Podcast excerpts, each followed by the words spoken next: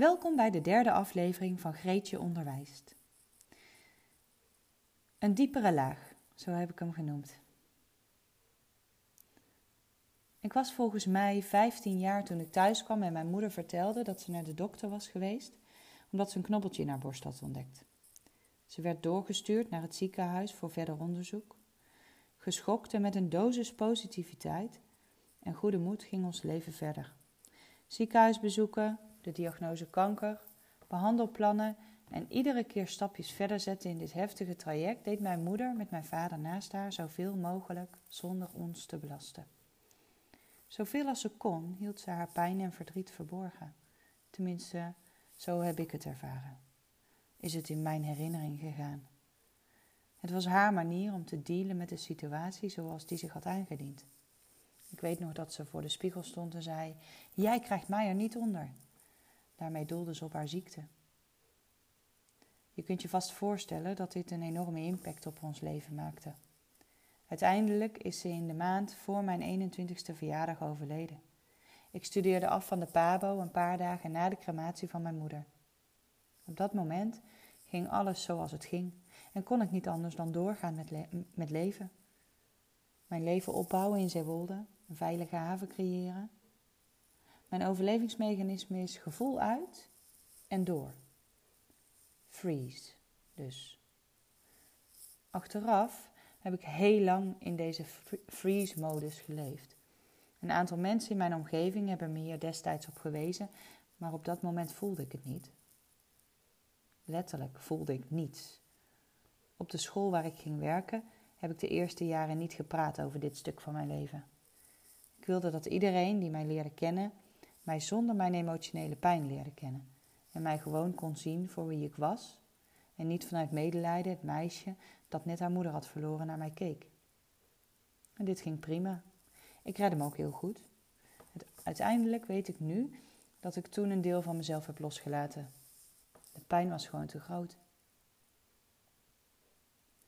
Tien jaar later vond mijn vader bij het opruimen van ons ouderlijk huis brieven van mijn moeder aan ons. En toen pas kon ik terugkijken naar mezelf. Stond ik mezelf weer toe het verdriet te voelen van de jongere ik, die veel te jong haar moeder verloor. Het leek wel een film waar ik in was beland. Dit ging toch niet over mij? En wat ik heb geleerd. Een aantal jaren en nu nog steeds heb ik kleine stappen gezet om meer en meer mijn gevoel weer toe te laten. Om steeds dichter bij mezelf te komen. Daarvoor was het nodig dat ik mezelf vanuit het gevoel van rust en veiligheid toestemming gaf om weer een stap verder te zetten. Dat het veilig was om te voelen. Liefde voor mezelf is daarbij bij mij de key geweest mezelf waardevol vinden om hieraan te werken, mezelf de aandacht en hulp gunnen die ik nodig had om weer te ontdooien. Warmte, geborgenheid en vertrouwen en de juiste mensen om me heen verzamelen die mij volledig lieten zijn wie ik was of ben en me aanmoedigen om stappen te zetten voor mezelf in mijn eigen tempo. Tijdens het terugkijken of herinneren van je leven krijg je de kans om zonder oordeel te voelen wat je voelde te zijn wie je was en ook te zien welke keuzes je hebt gemaakt. Die hebben gevormd tot wie je nu bent, maar voor het leven dat je nu leeft misschien niet meer werken. Ik zou mijn leven hetzelfde leven als ik het nog eens mocht doen.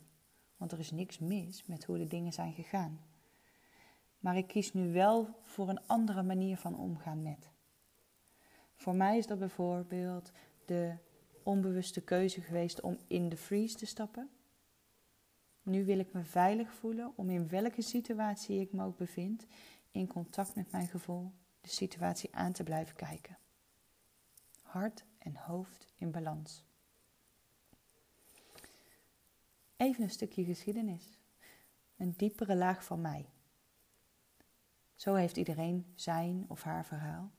En zitten er bij iedereen diepere lagen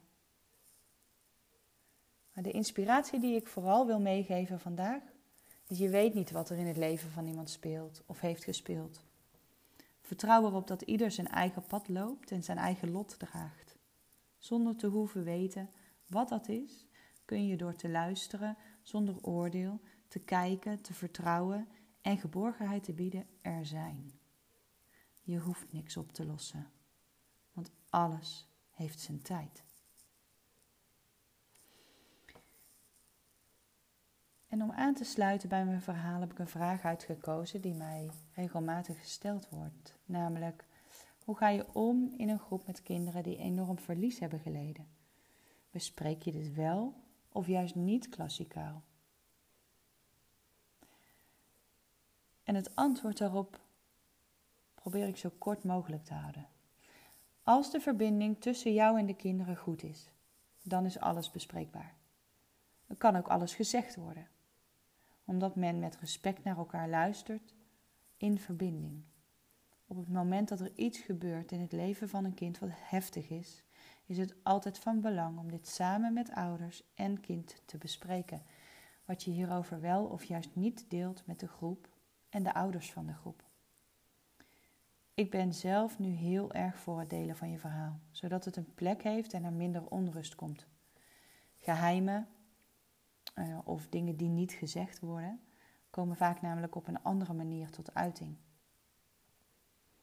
Ik zal er ook op aansturen met uitleg en voorbeelden naar het betreffende gezin toe. Maar nog is het niet aan mij. Het is belangrijk dat je je als leerkracht bewust bent van wat jouw verhaal is om te vertellen en welk verhaal niet van jou is. Blijf bij je eigen persoonlijke verhaal, zolang de ander niet klaar is om het te delen. En ook hier geldt, je hoeft eigenlijk niets te doen of op te lossen. Je hoeft er alleen maar te zijn. Als je nou een vraag hebt aan mij, stel deze dan via www.veiligheid-en-rust-in-de-groep.com. Klik op de knop waar je je vraag kan stellen en stuur me een berichtje. Wie weet beantwoord ik je vraag in een van de volgende afleveringen. Dankjewel voor het luisteren. Vond je dit nu een mooie aflevering? Deel hem gerust met anderen. Zo maken we samen de wereld een beetje mooier. Ik wens jullie een hele fijne